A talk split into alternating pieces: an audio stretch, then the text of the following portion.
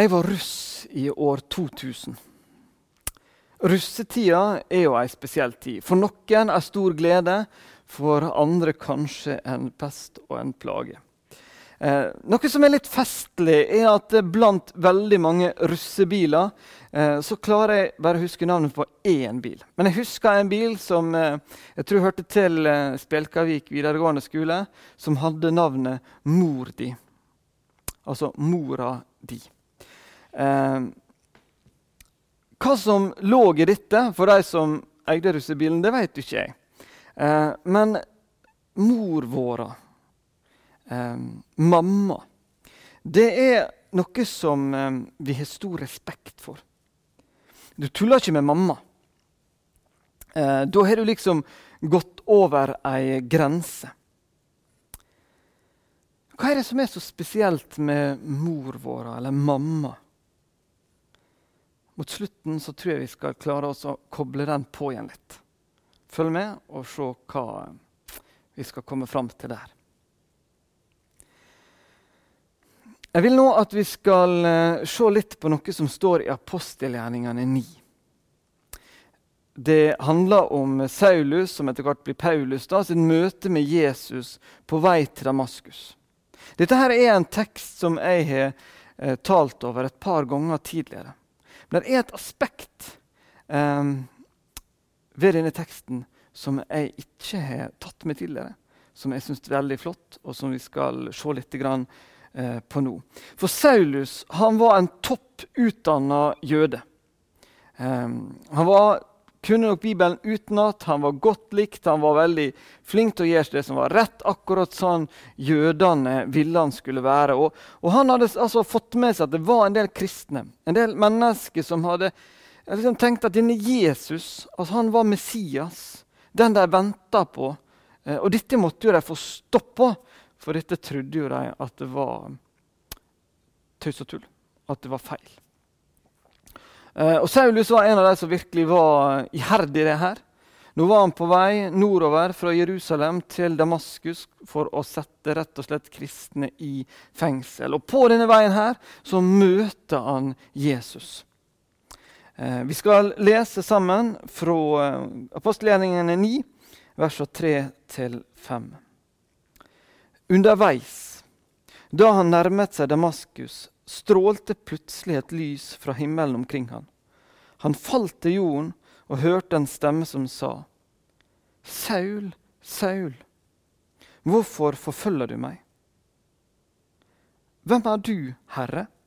spurte Saul, og svaret lød, Jeg er Jesus, han som du forfølger.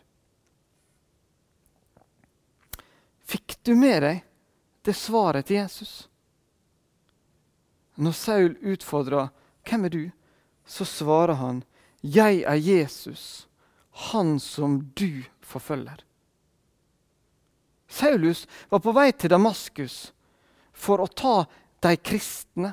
For å ta kristne personer som hadde liksom begynt å tro eh, at Jesus var den Messias den de venta på. Og så, så sier Jesus til han um, der på veien at det er Jesus sjøl han forfølger. Det syns jeg er veldig spennende å, å, se. Hva sier det om Jesus? Hva sier det om Jesus' syn på de kristne? Når Jesus identifiserer seg så djupt med de kristne. De som forfulgte de kristne. De som vil at de kristne skal ha det vanskelig, de forfølger Jesus sjøl.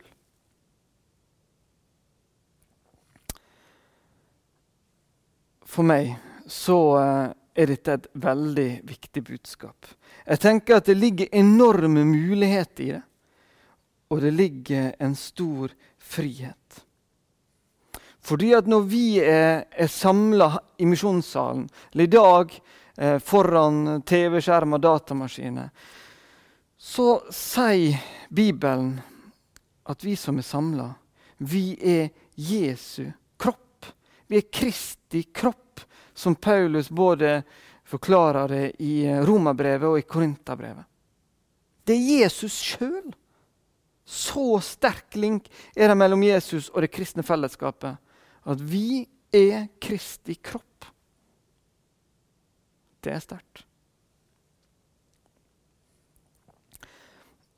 Jeg vil at vi skal begynne å se på hva frihet det ligger i dette budskapet. For det tenker jeg er veldig grunnleggende at vi har med oss i vår tanke om vår menighet og vår kirke. Fordi at når Jesus identifiserer seg så sterkt med oss, så sier det noe om, om hva han tenker om vårt fellesskap. Når vi er hans kropp, så er det han som er ansvarlig for vår menighet. Det er han som er ansvarlig for Guds kirke på jord. Vår menighet er ikke mitt prosjekt som pastor eller prosjektet til medlemmer, folk som går her i misjonssalen. Vår menighet, det er Guds menighet. Vår menighet er Guds ansvar, Jesus sitt ansvar, hans kropp på denne jord. Og Da kan vi spørre ja, men hva er vår oppgave inni det her, da, når dette her er Jesus' ansvar? Og da er svaret Det som er svaret på egentlig um, alt kristenliv, er at vår oppgave, kirkas oppgave, menighetens oppgave, det å være en respons på Jesus. En respons på det vi får i møte med Han. Det er vår oppgave. Ikke noe prosjekt som enkeltmennesket kan ha. I Bibelen så er det et helt nydelig eksempel på dette. Et eksempel som kanskje mange av oss har lest i løpet av de siste um, ukene. Nemlig noe som eh, vi leser i forbindelse med jula. Like før juleevangeliet i, i, Lukas, altså i Lukas 1, så kan vi lese om når engelen møter Maria. Eh, engelen begynner med å si at eh, Maria skal bli med barn. Eh, og Maria spør ja, men hvordan er det mulig, da? Jeg som ikke har vært sammen med noen mann. Og da står det Den hellige ånd skal komme over deg, og den høyestes kraft skal overskygge deg. Derfor skal barnet som blir født, være hellig og kalles Guds sønn. Og så uh, står det litt mer om Elisabeth, denne slektningen av Maria. Og så kommer det igjen fra engelen. For ingenting er umulig for Gud. Da sier Maria, se, jeg er Herrens tjenestekvinne. La det skje med meg som du har sagt. Maria, en respons på det Jesus på det Gud eh, sier at hun skal få lov til å være gjennom denne engelen. Magnus Malm han oppsummerer og beskriver det Maria her sier, på en veldig fin måte i en av sine bøker. Han skriver hun hørte ordet, tok imot det, formet det i sin egen kropp og ga det til verden. Og det Maria gjorde, er kort oppsummert Kirkens oppgave. Vi skal få lov til å høre ordet, ta imot det, forme det i vår kropp og gi det til verden.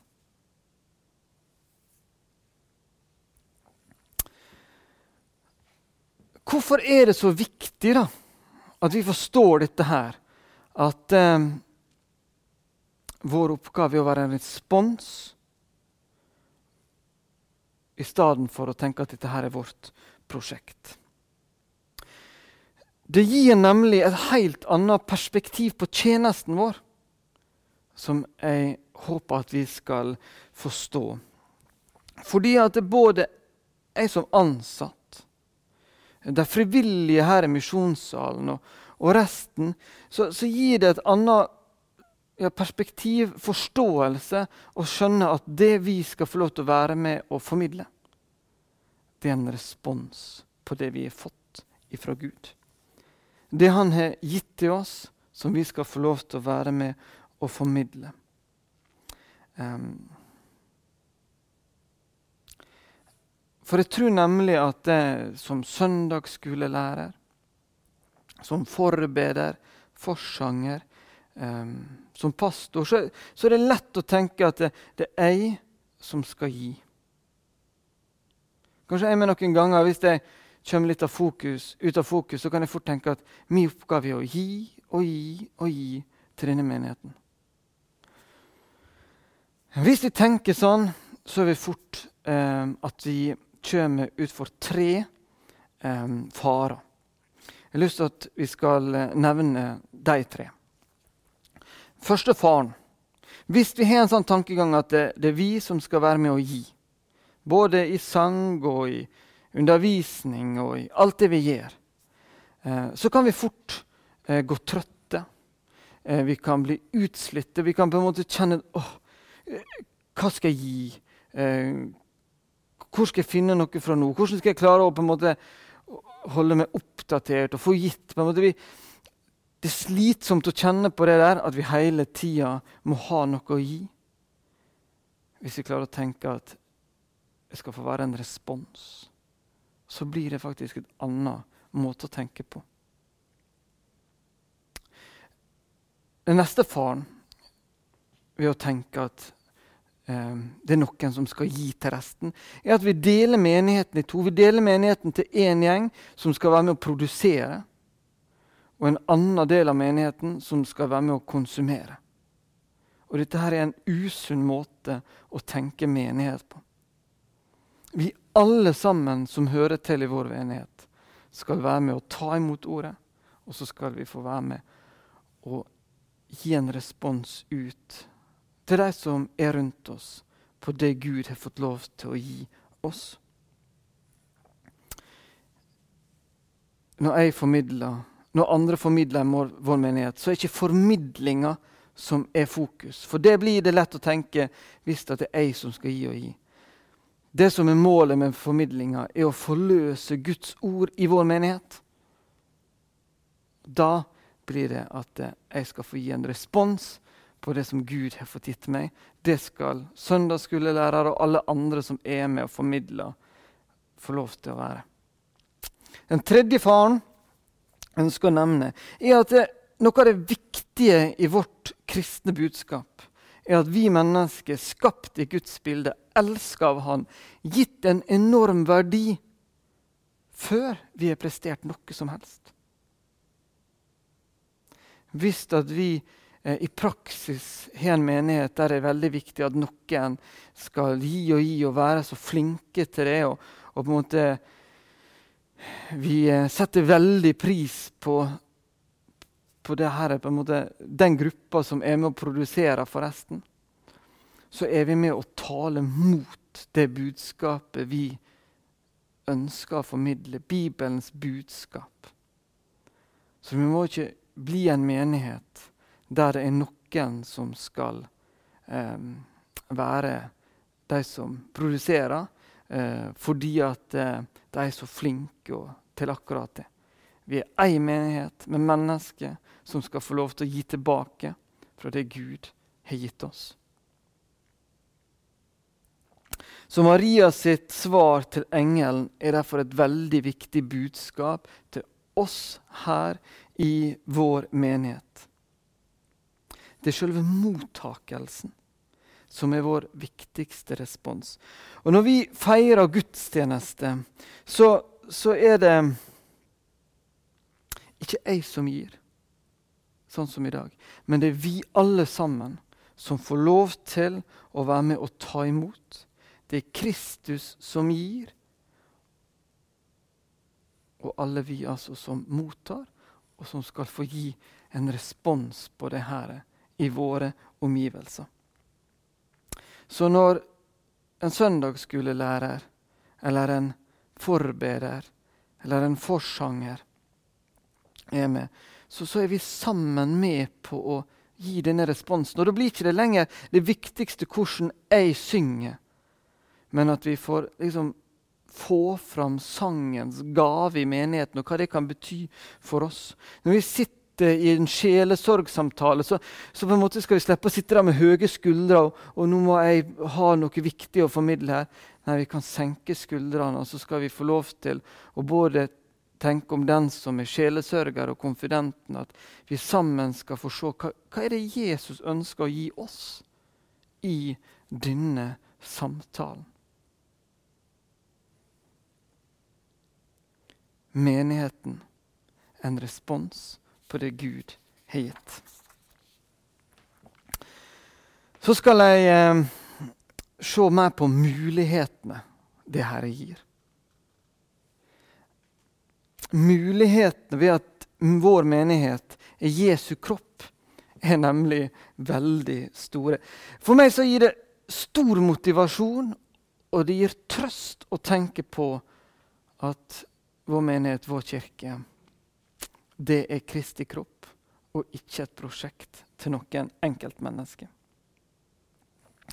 Eh, styret her i Misjonssalen er med nå i et læringsnettverk som heter Agenda 1, som, ja, vi skal ha noen samlinger i løpet av et par års tid.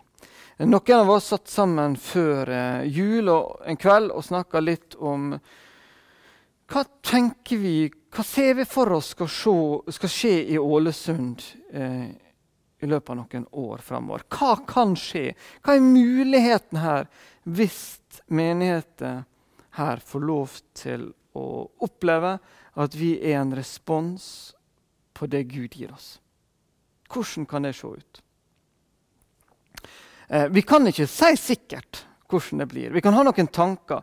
Men det står noe eh, i Lukas 4 som jeg tenker vi skal få lov til å tenke stort om. Eh, Jesus han er nemlig tilbake i Nasaret, der han hadde oppveksten sin. Han er i synagoga, så blir han bedt om å lese. Han tar fram Jesaja-rullen, finner fram eh, kapittel 61, leser der en profeti om seg sjøl. Eh, der sier han at eh, hans oppgave er å forkynne et godt budskap for fattige. Rope ut at fanger skal få frihet, at blinde skal få synet igjen, og at undertrykte skal settes fri. Jeg tror at Jesus har store tanker om hva, som skal skje i Ålesund i åra som kommer.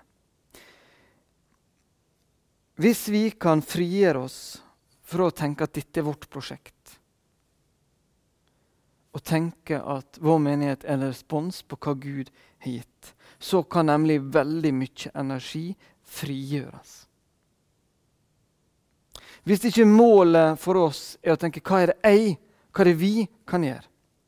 Men hvor nær kan jeg komme Jesus med mitt liv? Da skapes nemlig en forventning til hva Gud kan gjøre i Ålesund-området. Hva han kan utrette her. Og det er veldig mye mer enn hva vi kan klare. Kanskje skal vår oppgave få være å forkynne godt budskap til slitne mennesker. Til de som er trøtte. Kanskje skal vi få lov til eh, å ta imot Jesus gjennom mennesker som sliter med sjølbilde og depressive tanker.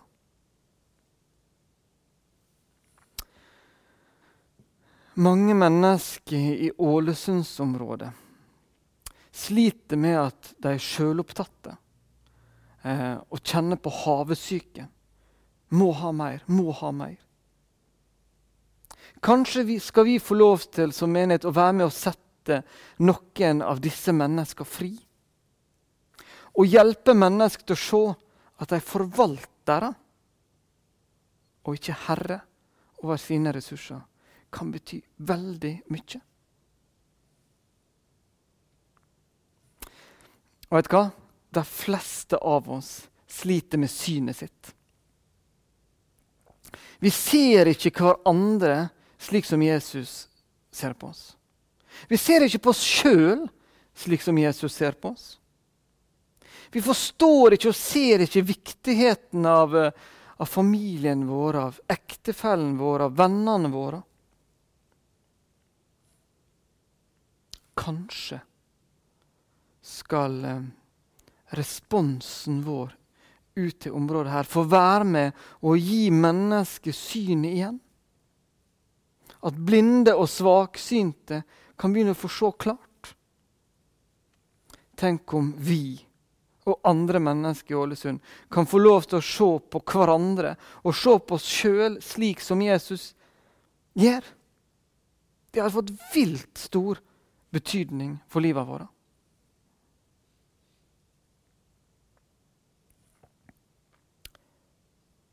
Det er færre mennesker som går til gudstjeneste eller på kristne møter i området her enn hva det var for noen tiår siden. Det er en del piler som vi sier vil peke i feil retning. Um, men jeg tror ikke det trenger å fortsette slik. Jeg tror at disse pilene ganske fort kan snu. Eh, jeg har lest ganske mye Gamle testamentet de, de siste åra. Og disse historiene som vi leser i kongetida. Jeg har lest opp igjen og opp igjen. Og kan bli litt sånn her eh, demotivert av å se hvor galt det går når, når mennesket ikke vil ha noe med Gud å gjøre. Men vi kan se på disse historiene annerledes også. Fordi at Hvis vi legger merke til hvor fort ting går bedre når mennesket vender seg om og ønsker å følge Gud, ønsker å leve ut en respons fra hva Gud har gitt deg, så skjer det noe med disse eh, samfunnene ganske kjapt. Det kan skje også i Ålesund i den tida som kommer. Jeg tror vi skal få lov til å se et Ålesundsområde som blir annerledes. Et område der pilene peker i riktig retning. Jeg tror vi skal få lov til å tenke at her vi bor, så kan det i tida som kommer, være sjeldent mye fred. Jeg tror det kan være et område der mennesket får lov til å oppleve hvilepuls, nådepuls. At skuldrene kan bli lave igjen. Ikke opp under ørene. Et område der folk eh, tro på seg sjøl fordi de har fått sett og oppleve at de er skapt i Guds bilde. De er elska av Gud. De er gitt en uendelig verdi av Han. Jeg tror at vi kan få et Ålesundsområde der mange mennesker opplever seg tilgitt. At de merker at de kan har fått lagt av de store og tunge byrdene de bar på. At mennesker opplever mening med livet et område med lite kriminalitet. Dette kan bli Ålesund-området hvis mennesket eh, får lov til å merke kreftene av menigheter som tror og tenker om seg sjøl at de er Kristi kropp. Jesu menighet, vår kirke, er en respons på Jesus og ikke mange mennesker sine personlige prosjekt. Jeg vil iallfall være en del av en slik menighet. Det oppleves eh, mye mer overkommelig. Det oppleves mye eh, Ja, det er rett og slett helt, noe helt noe annet. En menighet med helt andre mål, perspektiv, tanker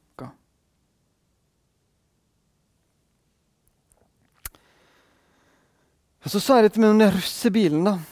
Mor di. Eh, I ortodoks og i katolsk tradisjon så er det nemlig slik at menigheten blir ikke omtalt som den, men som hun. Eh, og jeg ser at dette her oftere også skjer i våre sammenhenger. Og jeg syns det kan være noe fint med det her. Gud som far, menigheten som mor.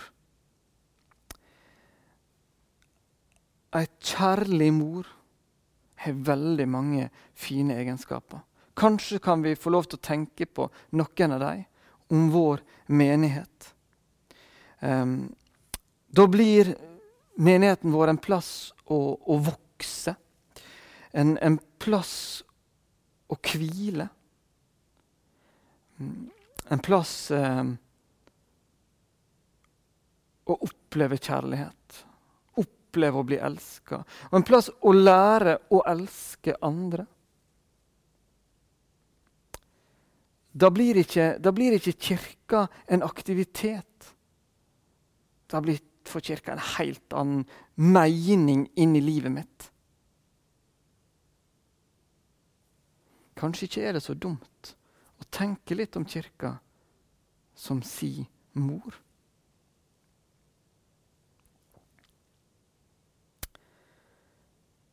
Her skal nemlig du og jeg sammen med alle andre. Få lov til å høre ordet. Få et møte med Gud. Vi skal få lov til å ta imot dette her og oppleve at det blir forma i oss. Og så skal vi få lov til å være med å gi dette her ut til verden rundt oss på mange forskjellige måter. En respons på det som vi er mottatt. Så vil jeg at du skal huske at vi er Kristi kropp og at for Gud er ingenting umulig.